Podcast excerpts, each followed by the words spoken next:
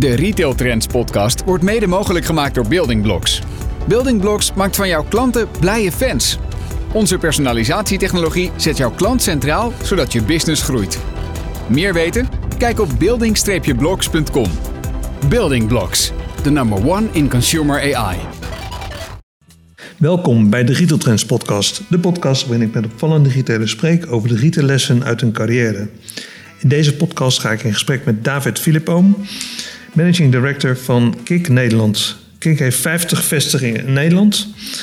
Um, ik ben Marcel ten Hotte, oprichter en eigenaar van Retail Trends Media.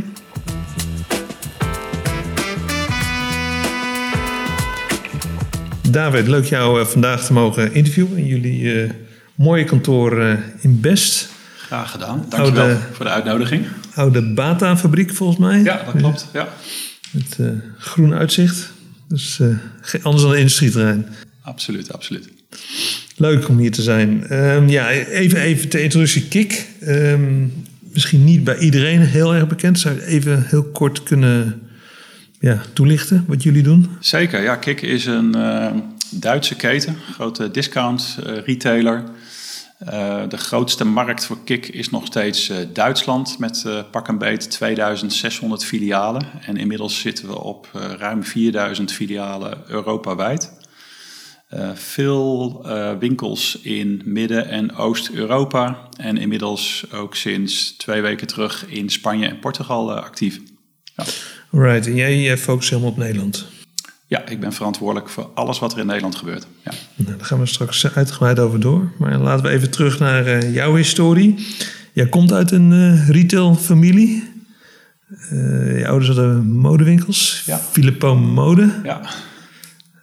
vertel. Wat, wat, wat zijn daar je herinneringen van? Of wat, wat? Ja, dat is. Um, mijn vader heeft uh, dat bedrijf overgenomen van zijn vader. Op het moment dat het nog twee echte textielwinkels waren. Ook veel met woningtextiel. Mm Dat was in Utrecht. En um, ja, mijn vader is daar uiteindelijk ingestapt en heeft dat bedrijf uh, groter gemaakt tot uiteindelijk 21 filialen.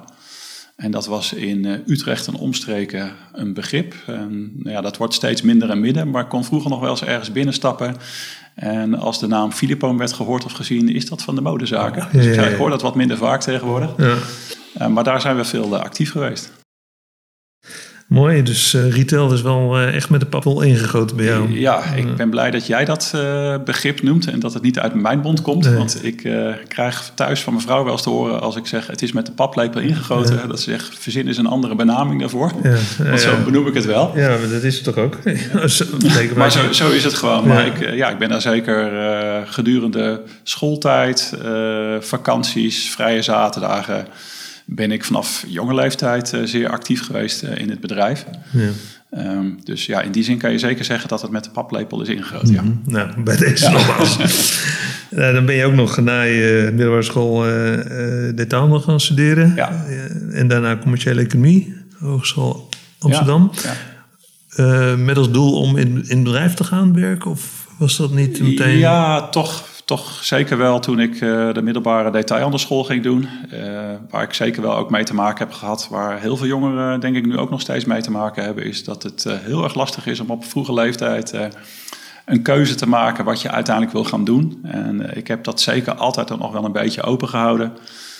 Um, ik heb dus inderdaad de middelbare detailhandelsschool gedaan. Daarna heb ik gekozen voor de, voor de HES, de Hoge Economische School in Amsterdam. Waar ik commerciële economie ben gaan studeren. En dat was toch ook wel een beetje een studie waarvan ik dacht, ja, misschien kan ik daar verschillende kanten mee op. Het is toch een beetje een algemene studie. Uh, dat is een wat minder goede match geweest, moet ik zeggen, achteraf gezien. Uh, ik heb die studie uiteindelijk ook niet helemaal afgerond. Okay. En uh, ja, ben toen eh, na een periode nog van drie maanden een, een, een, baan te hebben gehad, ben ik uiteindelijk eh, het dienst ingegaan voor een jaar. Oké, okay, ook nog. Ja. Ook nog, ja. Ja, dezelfde generatie. en na je dienst uh, ja, ben je gaan werken bij, niet bij het familiebedrijf? Nee, ik heb dus voor mijn diensttijd heb ik uh, drie maanden bij een mode-exportbedrijf gewerkt in Amsterdam. Ik heb een ontzettend leuke tijd gehad, veel op, op modebeurzen gestaan. En ik dacht, nou, dat, dat jaar dienst kan ik ook heel mooi gebruiken om nog eens een keer heel goed na te denken van wat ik nou uiteindelijk precies wil gaan doen met mijn leven. Ja. Dan moet ik je zeggen, toen ik uit dienst kwam, ja, had ik dat nog steeds niet heel duidelijk voor ogen. Maar ben ik toch ja, min of meer vanzelfsprekend een beetje de, ja, toch de retail weer ingerold. En de moderetail weer gaat bij Peek Kloppenburg werken? Ja, ik had natuurlijk uh, bij mijn vader aan de slag kunnen gaan. Zoals ik al zei, heb ik daar uh, ja, gedurende mijn schooltijd, studietijd, uh, ja, ben ik, heb ik daar veel gewerkt. Ik had alleen ja, het idee dat het niet verstandig zou zijn om direct dat bedrijf in te stappen als zijnde in een opgemaakt bedje terechtkomen. En ik was eigenlijk ook gewoon nog een beetje een groentje. En ik dacht, ik ga eerst mijn ervaring ergens anders op doen voordat ik gelijk uh, in dat bedrijf aan de slag ga. En, en, vandaar dat ik uh, daar ben gaan werken. Ja. je voelt ook geen druk vanuit je vader van uh, kom hier? Nee, op dat moment nog niet. het was wel duidelijk dat, dat hij dat prettig zou vinden, maar op dat moment lag de druk er nog niet zo op. Mm. dat is wel later wat meer geworden op het moment dat mijn oudere zus, mijn broer en mijn zus zaten inmiddels in het bedrijf, al een tijdje, mijn oudere broer en zus. En mijn zus is uit het bedrijf gestapt. En ja, toen deed de mogelijkheid zich wel voor, voor mij om, om daarin te stappen. En toen is hij inderdaad wel op mijn deur gaan kloppen met de vraag van... Ja. Dat was, je, je, je werkt drie jaar bij uh, Peker Kloppenburg. Ongeveer. Wat, wat, daar was jij store manager? Ja, ik ben daar begonnen als uh, store manager van een Sombardi. Dat was zeg maar het jonge concept van, uh, van Peek Kloppenburg met iets kleinere filialen. En daar ben ik begonnen op het Vredeburg in Utrecht. In een, in een winkel, op, in een kelder. Of plus minus 300, 400 vierkante meter. En ja, daar heb ik uiteindelijk een geweldige tijd gehad. Ja. Als jij uh, naar die eerste, ja, die eerste jaren kijkt. we hebben het in deze podcastserie steeds over de lessen uit je retailcarrière. Mm -hmm. Wat heb je daar nou opgestoken wat jij bij spreken nu nog kan toepassen?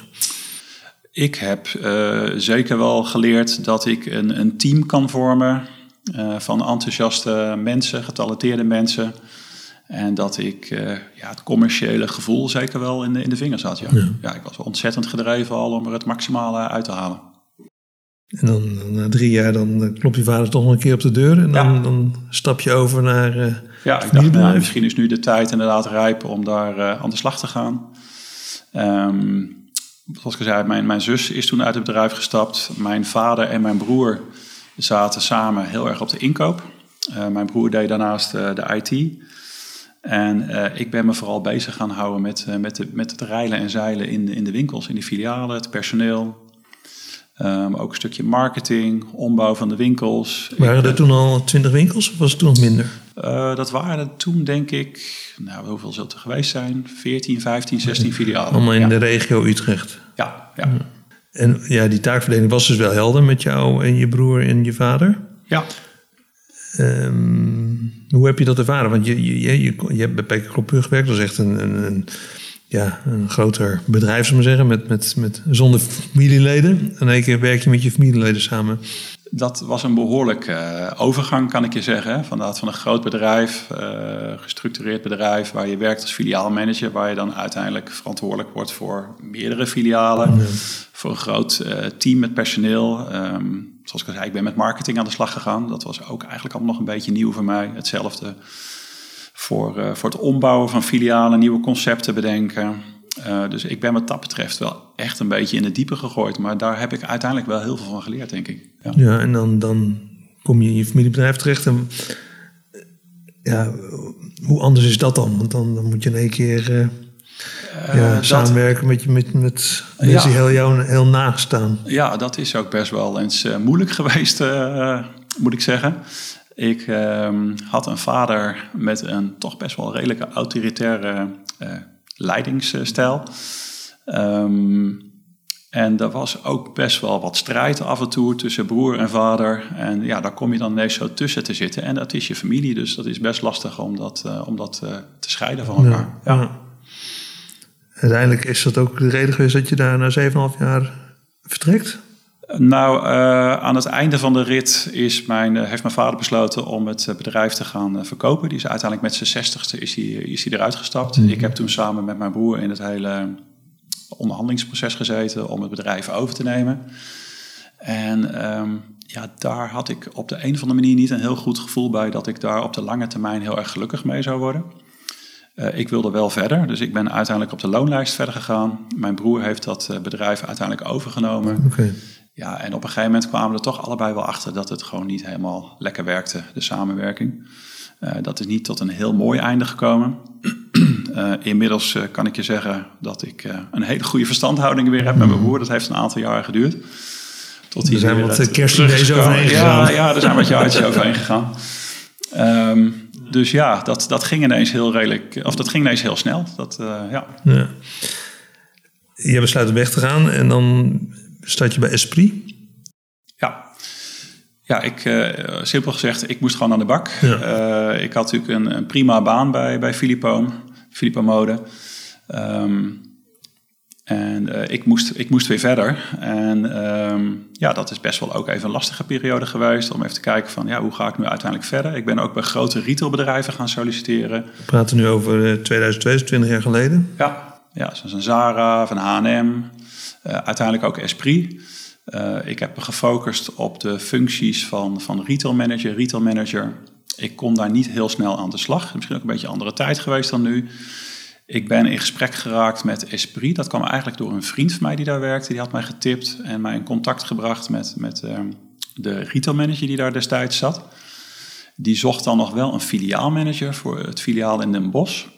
En daar kon ik dan starten met een contract van vier maanden. Dus dat was allemaal best wel een beetje typisch. Ja. Um, maar ik dacht, nou ja, weet je wat, ik, ik ga dat doen en ik, ik laat wel zien wat ik kan. En dan komen er vast meer mogelijkheden. Ja, dat bleek uiteindelijk een winkel te zijn die niet zo heel erg lekker liep. Die filiaalmanager die uh, was met zwangerschapsverlof. Ik ben er binnen gestapt en uh, ja, het is eigenlijk allemaal heel snel in de goede richting gegaan qua omzet, qua team. En, Hoe kwam uh, dat dat het jou lukte? Ja, door gewoon uh, op de vloer aanwezig te zijn, met een team te gaan werken, um, je team te coachen, aan te sturen. Heel veel contact gehad ook met de, met de inkoopafdeling. Om te kijken welke producten we daar nodig hadden. Eigenlijk alles samen. En dat, uh, ja, het ging eigenlijk bijna vanzelf voor mijn gevoel. Mm. Uh, maar dat werkte heel erg goed. En nou ja, die manager die er destijds zat, die ging, vertrok na een half jaar richting Hongkong. Voor een functie voor Esprit. En uh, ja, toen heb ik de mogelijkheid gehad om zijn functie over te nemen. En toen werd ik verantwoordelijk voor de winkels in Midden-Zuid-Nederland en het Vlaamstalige gedeelte van België. En dat, ja, ja dat, doe je uiteindelijk uh, alles met elkaar, werk je 8,5 jaar. Als jij dan naar die tijd terugkijkt, waar, ja, waar ben je dan zelf het meest trots op? Natuurlijk in het begin dat je die, die, die winkel... Um, ja, weer, weer tot wasdom heb kunnen brengen? Ja, ik ben trots erop dat ik uiteindelijk hè, vanaf uh, de stap vanuit het familiebedrijf toch even een, stapje opzij heb gezet, om het maar even zo te zeggen. Ik zie het zeker niet als een stap terug. Maar vanuit daar toch weer ben gaan bouwen en heb kunnen laten zien wat ik in huis heb. En uh, nou ja, dat geeft je uiteindelijk ook veel vertrouwen. En het mooie aan de tijd binnen Esprit is, is dat het uiteindelijk ook een wat meer internationale rol is geworden. In eerste instantie door uh, winkels in België te gaan doen. En uiteindelijk ook door projecten die ik er daarbij heb gepakt. Dus uh, bijvoorbeeld de opstart in, uh, in Spanje, de opstart in Scandinavië. Ben ik veel bij betrokken geweest. En ja, dat is een erg leuke tijd geweest. wel een internationale ervaring. Ja, ja. Prikkelde dan. En ja. dan in, in, die tijd wordt ook het familiebedrijf verkocht aan Terstal in 2008. Ja. Heb jij dan, ben je dan bij betrokken geweest of is het helemaal langs je heen gegaan? Nee, daar uh, heb ik eerlijk gezegd heel weinig van meegekregen. Dat was echt een beetje in de tijd, zoals ik net al zei, ja. uh, ook weinig contact heb gehad met mijn broer. Ik heb het natuurlijk uh, achteraf met hem erover gehad. Ehm, ik denk dat het voor hem ook een moment is geweest. Um, hè, het waren 21 filialen, maar met 21 winkels in dit segment kom je uiteindelijk ook niet rond. Hè. Dus je moet dan of heel, heel hard gaan groeien. Uh, of je moet uiteindelijk overgenomen worden. En ik denk dat hij er op het juiste moment is uh, uitgestapt. Oké, okay. ja. ja. En dan na Esprit in 2011 ga je naar River Island. Ja. Een heel ander soort bedrijf. Ja, weer zo'n culture shock. Uh. Ja, wat, wat, wat, wat hoe, hoe heb je dat ervaren? Um, ja, Esprit is, was toch wel een beetje een heel degelijk bedrijf... Waar veel nadruk in mijn functie lag op operationele zaken. Uh, minder, denk ik, met, met collecties en, en hoe we daarop konden inspelen in winkels. Um, ja, River Island was een bedrijf, of is een bedrijf nog steeds, wat echt meer in de fast fashion zat. En het werd ook een iets meer strategische rol. Dus ja, wat dat betreft wel met een wat bredere blik naar retail kijken. En om uiteindelijk ook te zorgen dat we binnen Europa sneller konden gaan expanderen. Ja. Een expansie was een van jouw kerntaken.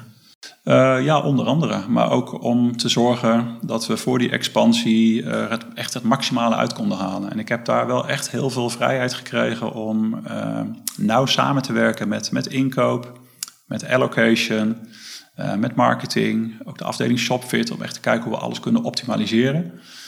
En dat heeft uiteindelijk heel goed gewerkt. Dat heeft tot een enorme omzetgroei geleid. En ja, waardoor we uiteindelijk ook sneller in Europa konden gaan verder groeien. Mm dat doe je een aantal jaar. Je, je werkt internationaal. En dan in 2014 stap je over naar Topshop.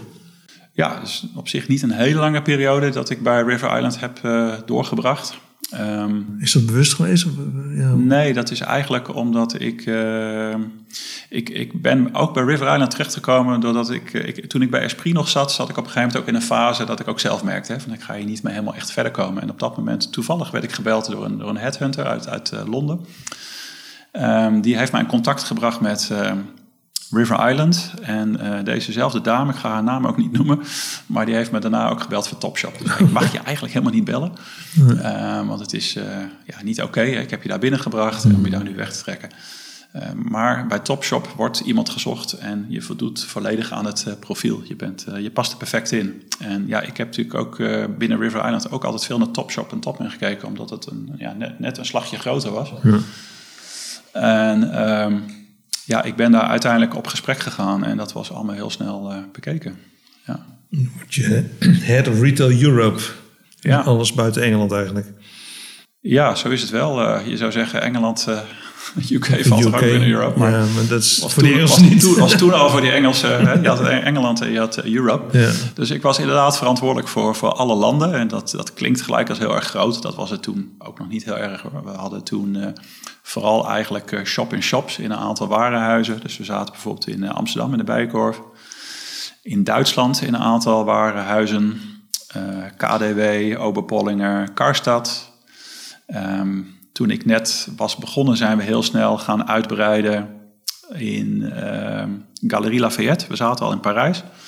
En daar kwamen nog een aantal shops bij. Dus, dus dat ging heel erg snel. Qua winkelopeningen liep het ook nog niet heel erg vlot. Um, is uiteindelijk de eerste opening van Topshop uh, in uh, Amsterdam op de Kalfstraat geweest. En ja, daar zat ik dan uiteindelijk ook met mijn kantoor. Um, ja, wat was jouw, jouw belangrijkste uh, focuspunt in die, die jaren, je hebt er twee jaar gewerkt uiteindelijk. Wat, wat... Ja, ik heb, uh, om heel eerlijk te zijn, toch nog geprobeerd een beetje hetzelfde trucje uit te voeren als dat ik in, in River Island heb gedaan. Mm. Omdat dat uh, heel succesvol is geweest. Om toch ook heel erg te gaan kijken naar uh, uiteraard het team. Dan moet ik zeggen, bij, bij River Island heb ik een team gekregen. Daar heb ik, daar heb ik veel mee gewerkt en, en er zijn uiteindelijk wat veranderingen geweest. In Topshop heb ik mijn eigen team kunnen bouwen, heb ik mensen aan kunnen nemen. Maar ben ik ook, naar, uh, ja, ook weer naar collectie gaan kijken, uh, naar de, de prijzen van de artikelen. Uh, op dat moment kwam er ook redelijk snel um, toenemende concurrentie.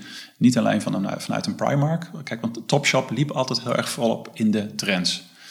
En kon het zich daardoor ook veroorloven om een iets hogere verkoopprijs te vragen.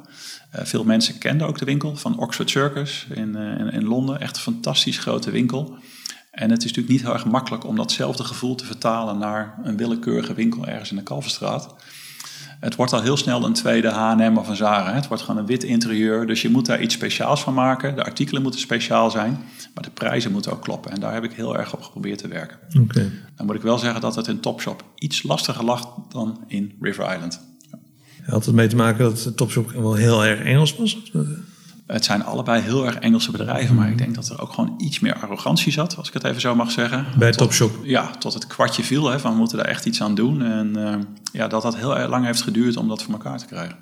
Want Topshop heeft er niet echt uh, gered in Nederland. Nee, nee, ik denk uiteindelijk, zoals ik zei, het grote probleem is je krijgt meer en meer aanbieders, uh, zoals een Primark, een, een Zara en H&M, die ook steeds sneller die trends gaan opvolgen en in de winkels brengen uiteindelijk tegen een lagere prijs. En uh, ja, de jonge consument is goed geïnformeerd, kan prijzen vergelijken online. En ehm, ja, als die emotie niet voldoende brengt, ja, dan zal die consument die prijs niet meer betalen. In die tijd uh, startte ook uh, Marks Spencer in, in de Kalverstraat. Ja. Ook niet echt succesvol? Nee, nee die zijn er ook niet heel erg lang gebleven. Nee, nee. Dus we zijn er verschillende. We hebben nog, wat was het, Nieuw Look gehad. Uh, dus er zijn er echt wel verschillende gekomen en gegaan, ja. ja. ja. Na twee jaar stop je daar. Ehm, wat was daar de reden van? Ja, dat was daar toch wel een moment dat ik zelf ook merkte uh, hier ga ik niet echt verder komen. Echt, echt ook met betrekking tot dit thema. Er was uh, heel veel druk om, ja, om, die, om die omzetten waar te maken. Ehm, dat, dat is niet gelukt. En um, ja, ik, ik, was ook niet in de veronderstelling dat we dat snel genoeg voor elkaar zouden krijgen. Ja, uiteindelijk hebben we wel ook het, het verkoopteam, sorry, het inkoopteam en, ehm, naar Nederland gekregen. Het hebben ook compshops gedaan in andere winkels om nog een keer echt te laten zien van kijk, dit zijn echte artikelen. er zijn heel weinig verschillen en dit zijn de prijzen.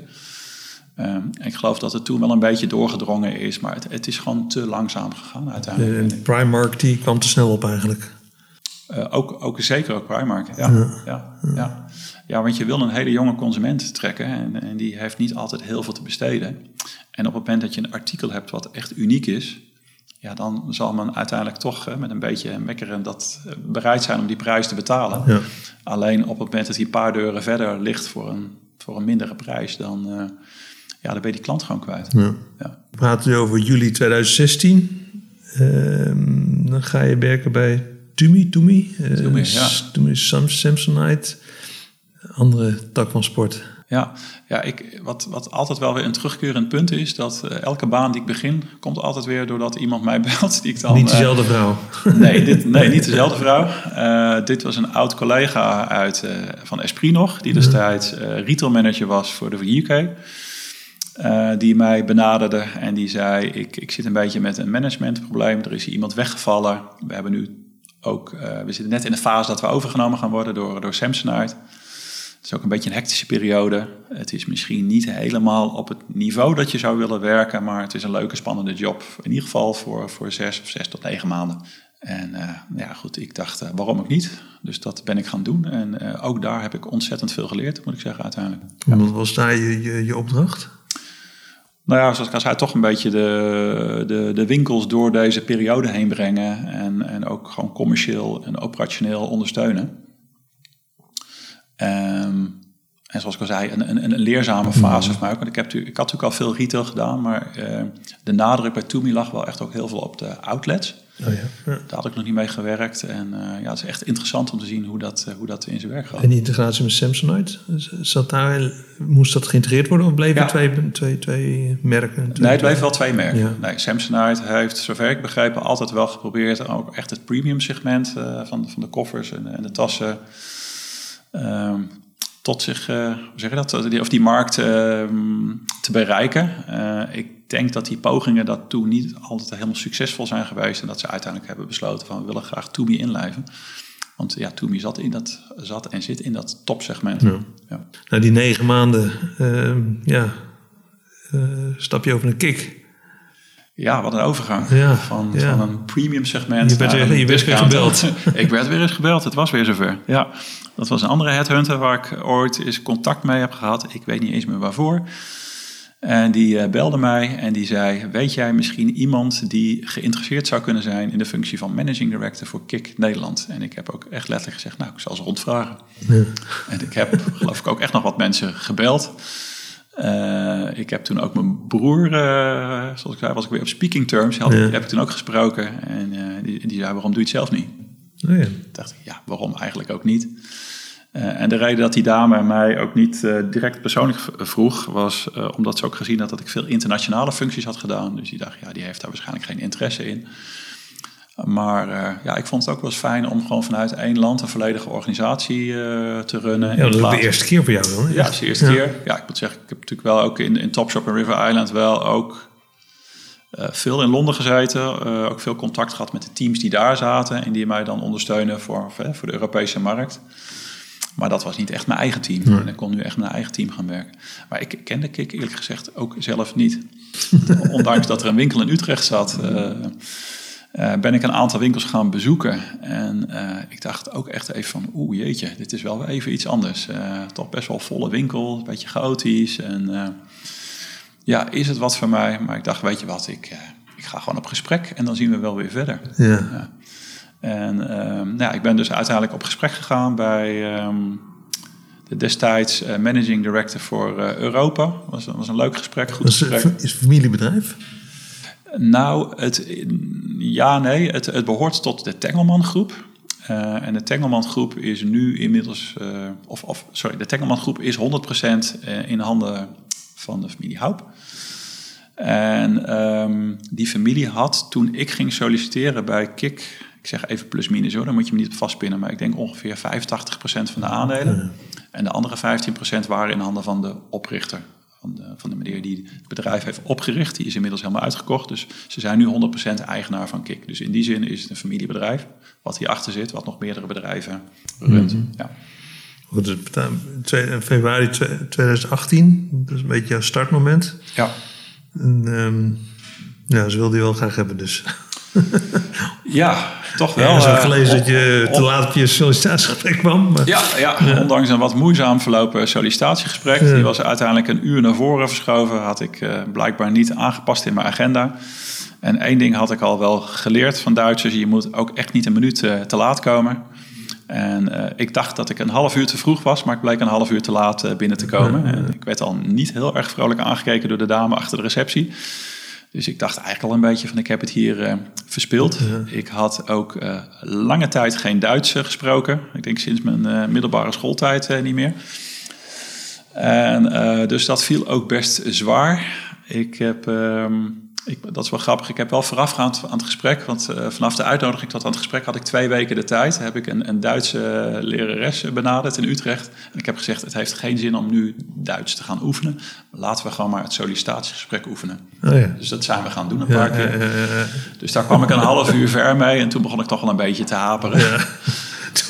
maar uh, ja, de boodschap, was het op. De, bo de, boodschap is toch overgekomen, denk ik. Ik heb okay. toch iets goeds gezegd. Ja, uh, ik, ik, had, ik had heel snel een voorstel uh, op tafel liggen en toen dacht ik, nou, ik ga ervoor. Wat was jouw opdracht ehm, toen je startte? Ja, um, nou ja, mijn opdracht is of was sowieso om, om KIK winstgevend te maken. we stonden er niet best voor in, in Nederland. We waren al een paar jaartjes al bezig. um, ja, ik moet je heel eerlijk zeggen, ik heb niet een hele duidelijke missie meegekregen. Maar ik denk dat die voor mij wel duidelijk was dat er veel werk aan de winkel was. Mm. en ik had ook niet het vermoeden dat het trucje dat ik, zoals ik net al zei, in River Island had toegepast, heel erg makkelijk hier zou kunnen gaan toepassen in een bedrijf. Ander segment. Wat zo groot is, met een heel ander segment, wat zo in volume inkoopt en toch best wel degelijk is. Mm. maar ik heb het uiteindelijk wel geprobeerd. En zag je mogelijk, want het is natuurlijk een segment met, met, met de Zeemans, de Vibra's, de, ja. de, de, ja, noem ze op, HEMA. Ik bedoel, er zijn mhm. natuurlijk heel veel partijen die een beetje in dit segment uh, opereren. Ja, ja ik, ik denk eerlijk gezegd dat onze grootste concurrent ligt op het vlak van non-food. Dat is de Action. Die is natuurlijk heel erg dominant uh, in Nederland. Uh, en dat denk ik omdat ons aandeel non-food in Nederland echt aanzienlijk lager is dan in alle land, andere landen waarin we hmm. opereren. Waar Action ook actief is, maar minder dominant nog. Um, en ik denk eerlijk gezegd op het gebied van uh, kleding en textiel uh, dat we niet heel veel hele directe concurrenten hebben. als ik kijk naar een Vibra of een, een Zeeman, hmm. ja, dat zijn ook discounters die veel doen op, op textiel maar die, uh, mijn mening, veel meer op, uh, op de basics uh, zitten, of soms meer op, op babykleding, kinderkleding. En wij, ja, wij bieden toch iets meer aanbod, waarbij je kunt shoppen op outfit, net iets modischer. Ik zeg, het is niet hoogmodisch, het is niet jongmodisch, want dan zit je weer bij een Primark. dus in die zin is Primark ook niet een hele grote concurrent voor ons. Maar hoe, hoe, hoe weet de consument dat? Dit klinkt wel mooi, maar het lijkt me heel moeilijk om dat in, dat in dat geweld van al die andere partijen, om dan consumenten te laten weten dat je dat dan toch weer anders doet. Zeker, ja, want wij hebben niet hele grote marketingcampagnes. Nee. En uh, ja, dat is vaak toch wel door denk ik, ik zeg altijd de beste marketing is gewoon meer winkels hebben. Dat mensen uiteindelijk het merk Kik beter leren kennen. En dat is zeker in de beginfase heel erg moeilijk geweest. Uh, ik heb nu wel de indruk dat mensen meer en meer Kik leren kennen. We gaan natuurlijk ook wat vaker winkels openen, niet heel ver van locaties waar we al zitten. En er zijn heel veel klanten die Kik vanuit Duitsland kennen. Want okay. in Duitsland kan je niet om Kik heen. Hè? Ik bedoel, met 2000, ja. uh, wat is het, 2400 filialen. Ja, elk een beetje dorp, plaats heeft, heeft een Kik-filiaal. Als je dan hebt over modisch, dan denk ik ook meteen meer naar een Shubi-achtige uh, partijen? Of is... Ja, een beetje wel. Misschien is Shubi nog net iets modischer. Ja, dat denk ik ja. Um, maar ja, ik zou zeggen, voor, voor een gemiddelde discounter, het feit dat wij uh, op outfit presenteren is best wel bijzonder. En ja. dat zie je ook gelijk als je de winkel binnenkomt. Je ziet gelijk uh, bovenstukken, onderstukken, schoenen, accessoires, alles bij elkaar gepresenteerd. Uiteraard hebben we ook volumepresentatie met, met basics, zoals je in, in vele andere discounters mm -hmm. ziet. Maar dat is best wel uniek. Ja. Okay. En dat is zeker ook in de Nederlandse markt, uh, markt zeer succesvol zijn we daarmee. Ja. En je hebt het net over non-food action. Hoe dominant is non-food in jullie uh, organisatie? Um, nou ja, er zijn landen waar het percentage ongeveer 40, soms zelfs bijna richting 50 procent ligt. En dat is bij ons 20 procent. Okay. Dus dat is echt aanzienlijk minder. En, en, en waar bestaat non-food met name uit? Nee, nou, dat is heel veel. Ik hoop dat ik okay. dat heel kort kan samenvatten. Ja. Um, maar uh, dat, dat loopt van, van uh, home deco tot uh, dieren, speeltjes, dierenvoeding, batterijen, hmm. huishoudelijke artikelen, pannen. Action, action non-food. Ja, dus. heel breed. Ja, inderdaad ook fotolijsten, vliesdekens. Nou, daar kan ik nog even doorgaan. Dat is heel erg breed. Ja. En dan, dan, dan ja, start je daar een paar jaar geleden. En, en nou, augustus hadden wij een interview met jou. Ja. In Retail Trends. En dan maakte hij bekend dat jullie voor het eerst na negen jaar winstgevend zijn in Nederland. Ja, ik dacht, uh, ik dacht, ik moet er niet te hard van de daken schreeuwen. Nee. Want het was, het was echt een, uh, een klein, klein. Een klein winstje inderdaad. Maar goed, we komen natuurlijk wel echt wel van... Uh, groot van verlies. Van, van, een behoorlijk groot verlies. Ja. En ja, ik denk dat de meeste bedrijven echt wel een beetje een aanlooptijd nodig uh, heeft. Dat, dat geldt ook voor Kik. En ik heb toevallig net een presentatie gezien uh, van mijn collega in, in Hongarije. Dat is een land wat uh, bijzonder, bijzonder rendabel is. Uh, je hebt natuurlijk ook wat lagere kosten. Lagere huurkosten, lagere loonkosten en echt ontzettend hoge omzetten. Maar goed, die hebben ook een aanlooptijd van vijf jaar nodig mm. gehad om winstcijfers te maken. Ja, bij ons heeft het negen jaar geduurd. En uh, er is mij nooit echt direct gezegd van hè, binnen zoveel tijd moet het, moet het oké okay zijn. Maar je voelt natuurlijk wel de druk om, om dat om te buigen. En uiteindelijk is dat ook gelukt om die, die winst die groter, sorry, de, het verlies wat groter en groter werd, uiteindelijk om te buigen naar een verlies wat steeds verder terugliep. Ja. Tot uh, 2019. Toen had ik ook een behoorlijk aantal winkels die inmiddels in de zwarte cijfers stonden. Want ik ben echt alleen maar met rode cijfers begonnen. Ja, en toen hakte corona erin. Dus dat, is, uh, dat zijn twee pittige jaren geweest. Dus ik ben ontzettend blij dat we nu zo sterk eruit zijn gekomen. En, en ja, dat we nu zelfs winstcijfers hebben gedraaid. Al weet ik, heel eerlijk te zijn, ook niet zeker of dat eind van het jaar nog, nog volledig uh, winstcijfers zullen zijn. Hmm. Maar uh, ja, dat, dat gaat er wel komen. En heeft het met name te maken ook met, met uh, de groei in het aantal filialen? Waardoor je uiteindelijk uh, ook je, je, je overheidkosten beter kan delen en sowieso... Zeer zeker, zeer ja. zeker ook wel. Ja, nee, we hebben zeker ook, ook meer winkels nog nodig om die overheadkosten nog, nog beter te kunnen verdelen. Um, het heeft er denk ik ook mee te maken is dat we nu ook gefocust zijn en ook kunnen zijn, ook op betere locaties. Het probleem is als er geen goede cijfers geschreven worden, dat uiteindelijk het vertrouwen ook gewoon minder groot is. En dat merk je al met zoiets als expansie. Bij de, bij de verhuurders? Ja, je wil, je wil al het onderste uit de kan halen. Mm. Je wil de laagste huur betalen. Um, je wilt liefst een break na twee jaar. En um, je wil het Casco Plus opgeleverd hebben. Nou, die combinatie alleen al valt bij huurders, verhuurders niet heel erg goed. Mm. Uh, dus dat betekent dat je niet altijd per direct de beste locaties aangeboden krijgt. En op het moment dat je wat meer omzet gaat draaien, dan heb je ook iets meer flexibiliteit om zeker voor goede locaties iets beter de onderhandeling in te stappen. Okay. En ik ben wel vanaf het begin wel gefocust geweest op iets grotere oppervlaktes qua winkel. Want Maar- ik weet inmiddels dat we niet heel veel flexibiliteit hebben om het assortiment te versmallen. Mhm. En dat werkt heel erg lastig in een, in een winkel met een vloeroppervlak van eh, ja, 350 vier, of 400 vierkante En meter. daar zat je op eigenlijk. Op de, de, de, Nou, we zaten gemiddeld op 470 vierkante meter. Mhm. En dan heb ik het echt puur over verkoop vloeroppervlak. Terwijl, we- terwijl ik ook al had meegekregen dat ik minimaal 550 nodig had. Dus daar zaten we ver onder. En inmiddels zitten we op die 550 vierkante meter. Oké. Ja. Heb je ook geherlokeerd? Ehm, ik heb winkels uitgebreid. Eh, en dat heeft eh, in een aantal gevallen ook echt heel erg goed gewerkt. En daar zijn we nu ook nog steeds bij bezig. Ja.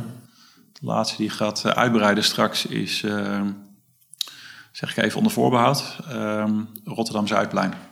Ja, dat is ook echt nog zo'n winkel van het is 350 vierkante meter. En die gaat naar Die gaat naar pak een beetje 860 vierkante meter. op een andere locatie of dezelfde locatie? Nee, dezelfde locatie. Met- ja. met- En dan had ik de keuze uit drie oppervlaktes. En ik, heb, eh, ik ben gegaan voor de grootste. Oké. Ja.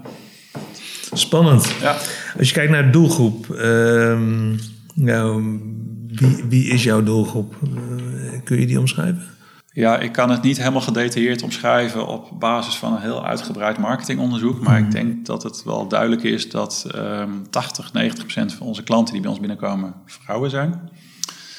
En eh, dat we ook wel kunnen zeggen dat we veel klanten hebben die toch iets minder te besteden hebben. Die zoeken naar een artikel, een leuk artikel met een, met een goede, scherpe prijs. Eh, we weten ook dat onze, oh, sorry, onze klanten niet heel ver reizen over het algemeen. We hebben ook wat postcode-checks gedaan. En ehm, ik denk ook dat 80, 90 procent komt uit een ja, maximaal 5, 5 kilometer ver om onze winkel te bezoeken. En zijn mensen die eh, ja, in, vaak in buurtwinkelcentra komen, die boodschappen doen eh, of andere zaken komen en bij ons binnenlopen. Ja, ja. Je zei net zelf al, hè, we zijn nog niet zo bekend. Ehm, hoe, hoe, hoe- ja, het aan- door het aantal winkels te vergroten word je bekender. Maar er Ja. zijn er andere mogelijkheden die je aanpakt om eh kick op de kaart te krijgen? Bijvoorbeeld via social media, andere marketing. Ja, nog niet heel uitgebreid. We hebben niet een enorm eh, marketingbudget. Dat is denk ik ook wel een beetje onderhevig aan discounten. hè. Want je wilt de, de prijs laag houden voor de consument. We zijn inderdaad met sociale media bezig. En ehm, daar maken we op dit moment ook een mooie groei door. Dat Kickstart, een kickstart. een kickstart, kan je wel zeggen. Ja, dat hangt misschien ook wel een beetje samen met, eh, met de openingen die we nu hebben. We hebben nu relatief veel openingen gehad, ook het afgelopen jaar. Ehm, wat wel opmerkelijk daarin is dat het grootste deel van onze volgers nog op Facebook zit. Want je hoort altijd dat iedereen massaal naar Instagram gaat, maar dat is nog niet zo bij onze klanten. We zitten inmiddels over de 50.000 volgers op, eh, op Facebook en dat vind ik best een mooi aantal. Alright. Ja. En je hebt eh, onlangs eh, als eerste land de klantenkaart geïntroduceerd. Ja, daar ben ik ontzettend blij mee dat we die test hebben mogen doen. We hebben ook alle kinderziektes erbij gekregen. Ja. Dus ik had op voorhand gezegd, eh, geen paniek, geen stress. Want het, het, het, zal, het zal zeker niet eh, vlekkeloos verlopen. Dat is, dat is ook zeker niet het geval geweest. Eh, we zijn er in maart mee eh, begonnen. En ja, na een iets wat moeizame opstart, na allerlei technische probleempjes, loopt dat echt als een trein. Is dat een fysieke kaart of een app? Nou, wij eh, zouden eh, oorspronkelijk met de fysieke, kaart, eh, de fysieke kaart en de app beginnen. Uiteindelijk zijn we alleen met de fysieke kaart eh, begonnen. Ik had zelf heel veel vertrouwen in de app. Want Ik denk, ja, die Nederlanders die willen helemaal geen pasjes in de portemonnee. Die willen gewoon een app. Ehm, maar goed, die, die fysieke kaart is natuurlijk wel iets makkelijker ook aan te bieden aan de kassa. En onze klanten is er gek op. Want we zijn nu, inmiddels zitten we over de 80.000 actieve klantenkaarthouders. Alright. En eh, wat echt bijzonder is, is dat ons gemiddelde aankoopbedrag met die kaart bijna 50% hoger ligt. Dus het is een mega succes. Eh, we hebben ook een heel hoog eh, e-mailquote. Daar, daar, daar staan die Duitsers ook echt van te kijken. Dat zeker in het begin ongeveer 80% ook gewoon ja, zonder probleem zijn e-mailadres afgeeft. Dat is natuurlijk ontzettend belangrijk ook. Eh, dus ja, die cijfers die zijn echt enorm door het plafond gegaan. En wat bied, je, wat bied je via die kaart? Nou ja, we bieden een aantal zaken, maar ik denk dat het belangrijkste voor de klant is, is dat hij gewoon direct korting krijgt op een aantal artikelen. En dat zijn iedere maand wisselende artikelen waar de klant 15% korting op krijgt op het moment dat hij die klantenkaart heeft. Daarnaast krijg je na vijf aankopen nog een keer 20% op een artikel naar keuze. en zijn er allerlei andere voordelen, Ja, zoals ruilen zonder bon, artikel weghangen, et cetera. Maar Hmm, ja, die, die korting is natuurlijk gewoon belangrijk. Als je kijkt naar jullie assortiment, ehm, wat eh, je zegt 20% eh, non-food, eh, de rest, de rest vooral kleding. Ja. Ehm, wat zijn de hardlopers? Ehm, ja, het is vooral dameskleding wat bij ons ontzettend goed draait. Het is ook een beetje afhankelijk van het seizoen, maar dat zijn ja, toch in, in de zomerperiode de damesjurken. Eh, of de blouses, eh, de damesjeans. ehm, Ik zei net een non- non-food, maar eigenlijk non-fashion zeggen. ja, eh, dus daar, daar, zit wel, daar zit veel omzet. Wat op zich ook wel opmerkelijk is, is ehm, dat wij het ook ontzettend goed doen in grote maten kleding. Daar zitten we, hè, we zitten nu inmiddels in 14 landen. Eh, als je kijkt naar het aandeel omzet eh, van de totale omzet per winkel, dan doen we het niet alleen heel erg goed in, in dameskleding of heer- of kinderkleding, maar ook grote maten is ontzettend sterk. En dat geldt ook voor de lingerie. Want als het gaat om basic eh, ondergoed en sokken, dan denk ik dat we daar ook weer concurrentie hebben van een, van een Zeeman of een Wieberen, et cetera. Maar in de, in de lingerie, de modische lingerie, dat is ook ja, het is gewoon niet aan te slepen bijna. Oké, Ja. Daar bieden we gewoon goede artikelen tegen hele scherpe prijzen.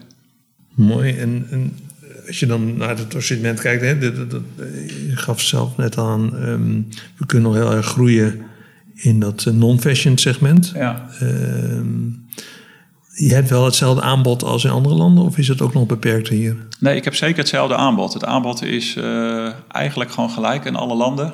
Ik hoor het ook wel eens van klanten die de grens overgaan naar Duitsland. Oh, ze hebben daar een hele andere collectie. De collectie is echt hetzelfde. De prijs is hetzelfde. Dus daar is echt helemaal geen, eh, geen verschil in. Ehm, ik heb ook wel eens geroepen van dat ik niet zo'n hele voorstander was om, om non-food verder uit te breiden. Omdat ik een beetje bang was dat het ten koste zou gaan van mijn ja, vierkante meters kleding en mijn omzet. En dat was wel ook een beetje de, of dat is ook een beetje de strategie binnen het bedrijf. Maar ik moet zeggen dat ik inmiddels daar wel een beetje in gerustgesteld ben. We gaan met een nieuw store-concept komen. Wat in een aantal landen al in een, in een aantal filialen is uitgerold.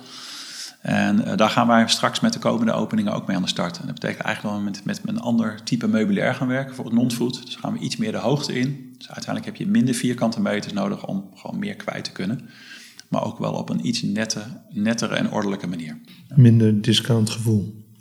Ja, het is wel discount, maar het is, het is netter dan dat je je spullen in een tafel presenteert. Geen stortbak. het wordt geen stortbak inderdaad. Ja. Helder. Eh, jullie hebben nu vijf- eh, 50 eh, vestigingen. Hoeveel ruimte zie jij voor jullie om te groeien? Ja, ik, ik zie zeker nog wel groei voor eh, 150 tot 200 winkels extra. Dus dat we Oké. op 200 tot 250 filialen komen. Dat is, eh, Dat is fors. Dat is veel. Dat, Ja. ja. als ik dat getal ook roep, dan zie ik ook vaak gefronste gezichten van ben je dat serieus? Ja, dat, dat, eh, dat denk ik zeker wel dat daar potentieel voor is.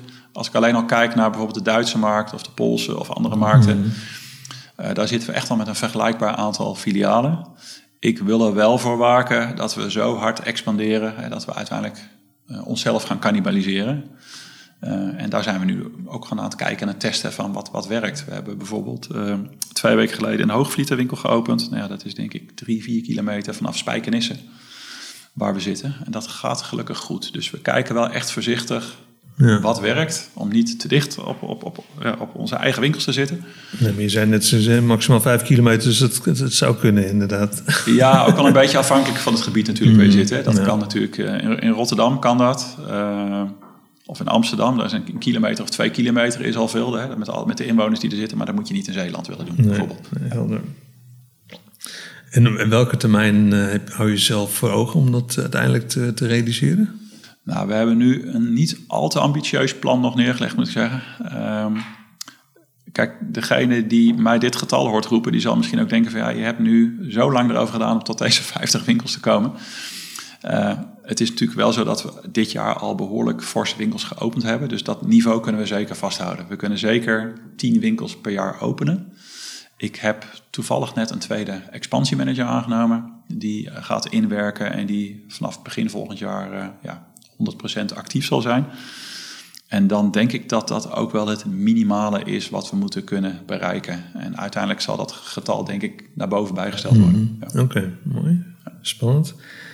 En dan moeten ze ook uh, gevuld worden met medewerkers. Nou, uh, Ja, medewerkers is, is, een, is een voor retail uh, zeker een uitdaging. Ja, ja. Hoe, hoe zit het bij jullie? het is ontzettend moeilijk geweest, moet ik zeggen.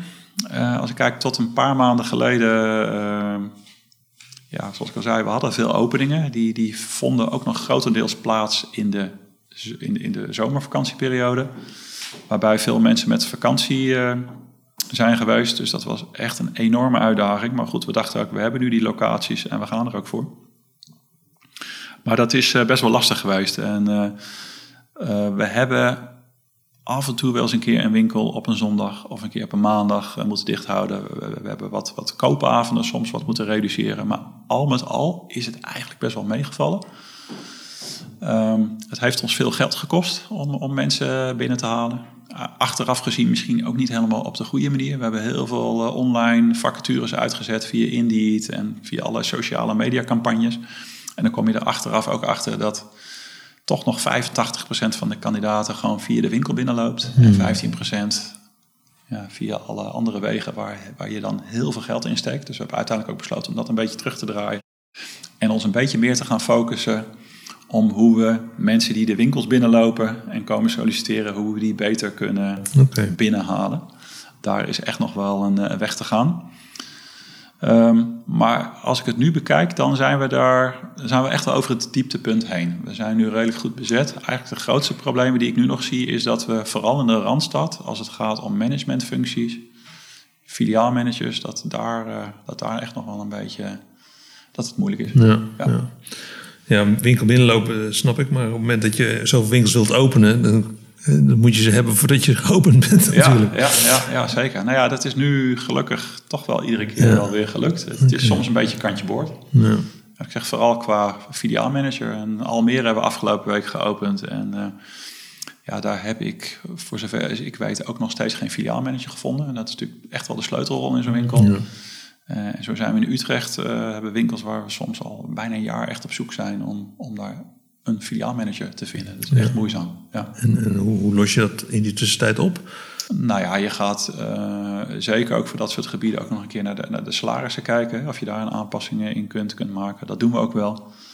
Ja, ik, ik, ik, het ik kan je daar eigenlijk niet echt antwoord op geven. Hmm. We zijn ook echt nog aan het denken hoe we daar nog uh, effectiever uh, aan de slag kunnen gaan. Ja. En om heel eerlijk te zijn, we zijn natuurlijk ook nog echt een hele kleine organisatie hier. We hebben hier wat mensen op de HR-afdeling zitten. Maar ja, daar geldt hetzelfde als, als voor mij en, en, en regiomanagers en retailmanagers. We zijn misschien ook niet allemaal helemaal de expert op het gebied van werving en selectie. Hmm. Uh, en dat is wel steeds een belangrijk onderdeel van ons werk geworden. Ja. En, en, we praten er ook steeds meer over. En we, er wordt wel steeds meer tijd in gestoken. En het is ook een stukje bewustwording in de winkels. Uh, om daar meer mee bezig te zijn. En uh, ja, op welke manier zijn we er wel mee bezig? Is eigenlijk om te kijken hoe we meer succession planning kunnen doorvoeren. Dus wij hadden vroeger... Onze filiaalmanagers waren teamleiders. Ik zeg, ja, het zijn geen teamleiders, het zijn filiaalmanagers. Ze zijn verantwoordelijk voor alles wat er gebeurt binnen de winkel, ook voor een team. En uh, we, hebben ook, we zijn ook begonnen met het aannemen van assistent-filiaalmanagers. We zijn vaak zeven dagen per week geopend. Die mensen zijn met vakantie, kunnen een keer ziek worden. Dus dan hebben we ook vervanging nodig. Maar dat leidt er ook toe dat je uiteindelijk... Carri carrièreperspectief. Uh, ja, meer carrièreperspectief hebt. Ja. ja. Dus in die zin werken we daar wel aan. Ja, helder. Er zijn natuurlijk heel veel retailers die ook met hun eigen academy aan de gang gaan. Of met, ja, met mbo-scholen en ja. opleidingsmogelijkheden aanbieden. Ja. Uh, lijkt me voor nog lastig omdat je relatief klein bent. Daar zit het hem denk ik vooral in, ja. ja. ja maar dat, daar ligt zeker wel uh, in de toekomst, zeker als we groeien, uh, is dat wel een aandachtspunt. Ja. E-commerce, dat is iets wat helemaal niet speelt bij jullie, hè?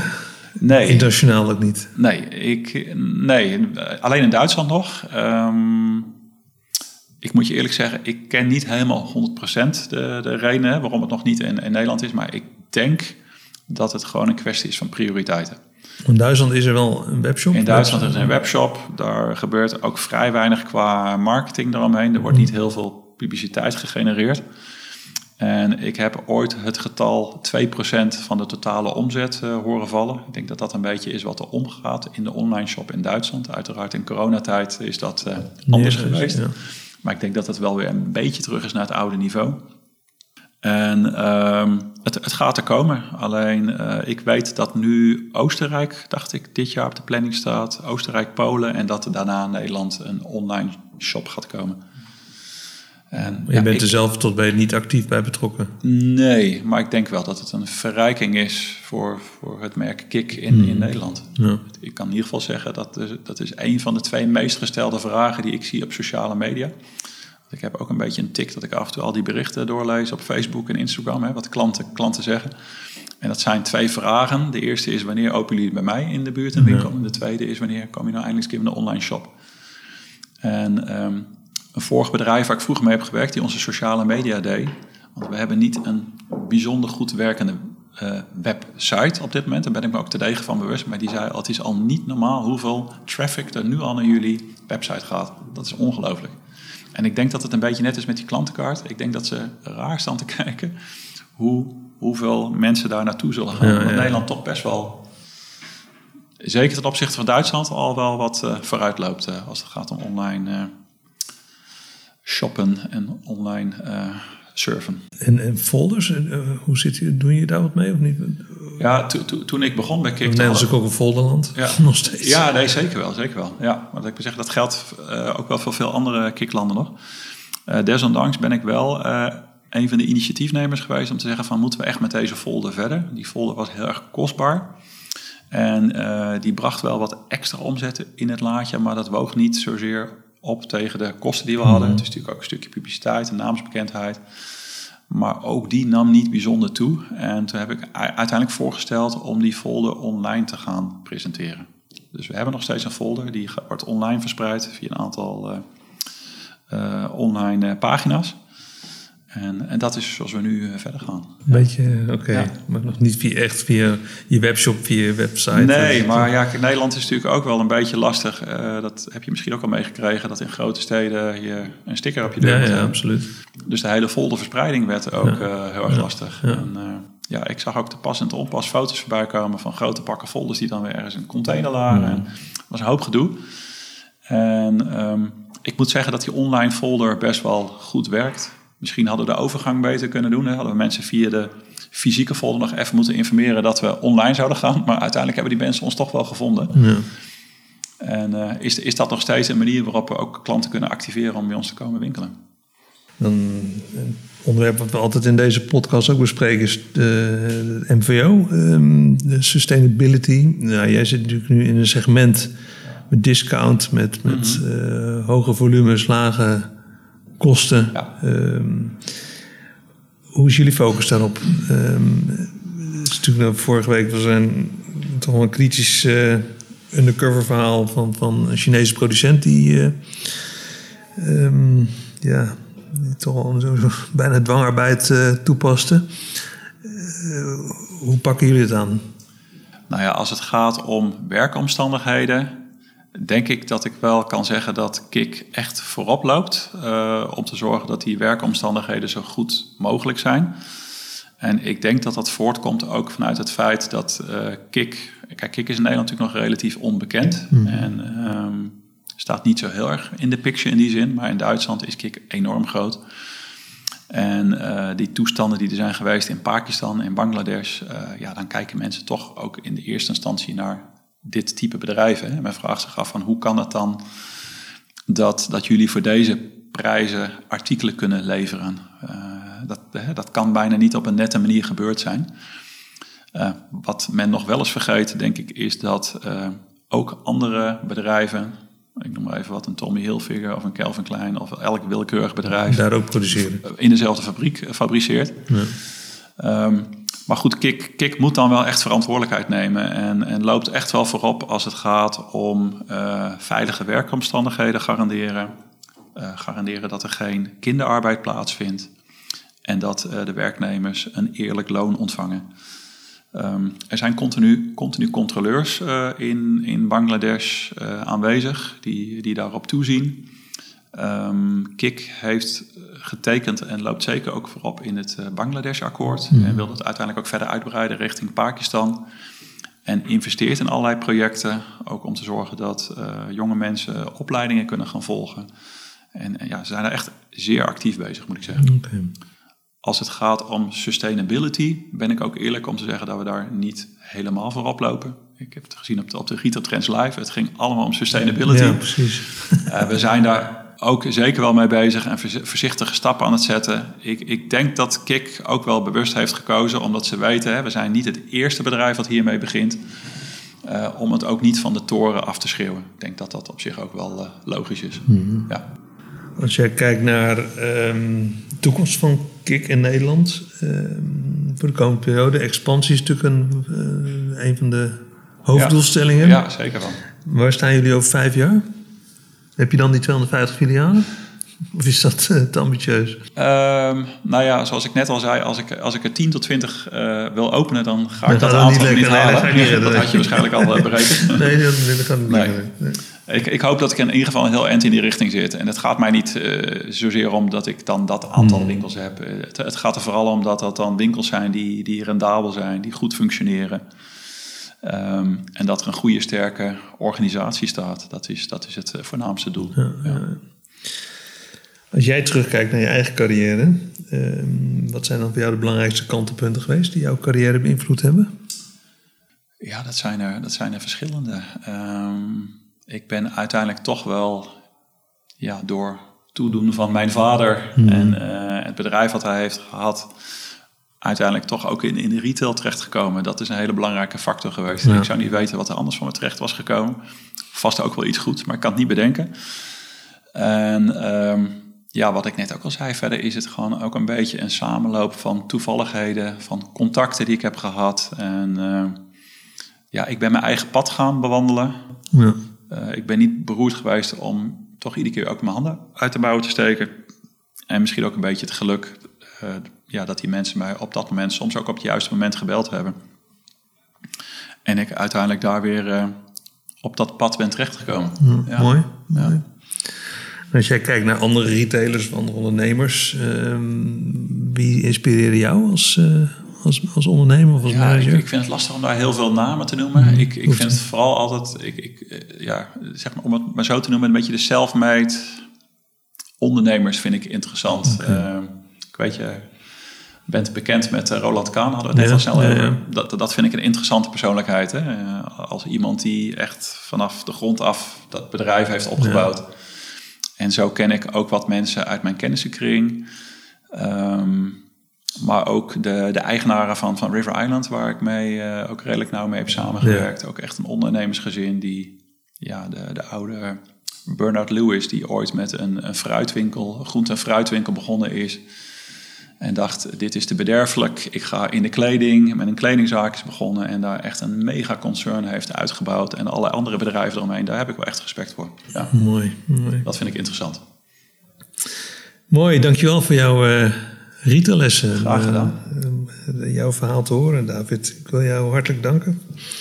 En alle luisteraars aan deze podcast, dankjewel voor het luisteren. Abonneer je nu op de Retailers podcast en luister naar de retaillessen van opvallende retailers. Kijk voor meer informatie op retailtrends.nl. Dankjewel. Ja, ook bedankt.